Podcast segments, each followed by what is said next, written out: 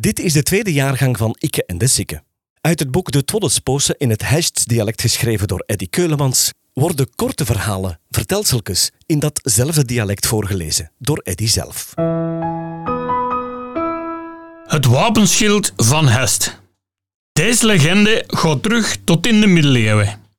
De mensen van Hest werden de te laatkomers genoemd, omdat ze in een klaarbekken te laat gearriveerd waren op een belangrijke veldslag.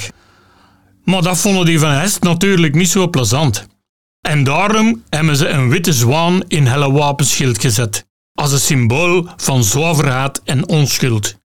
Maar was dat lolleke met die veldslag echt wel allemaal zo onschuldig? Of waren die mannen misschien liever thuis gebleven in de bedstee bij helle wraakjes? Je weet wel, to make love and not war.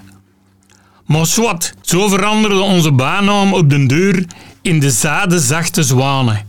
En dat klinkt toch veel schonder dan de te laatkomers, zegt hij zelf.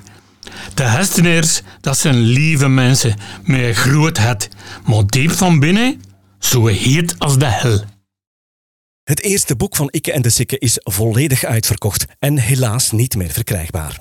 Het tweede boek, De Twoddelspoose, is nog wel verkrijgbaar en te bestellen op ikkeendesikke.be of ditisheist.be. Vul het bestelformulier in en wij doen de rest. Want dit Heistse collectors item mag niet in jouw collectie ontbreken.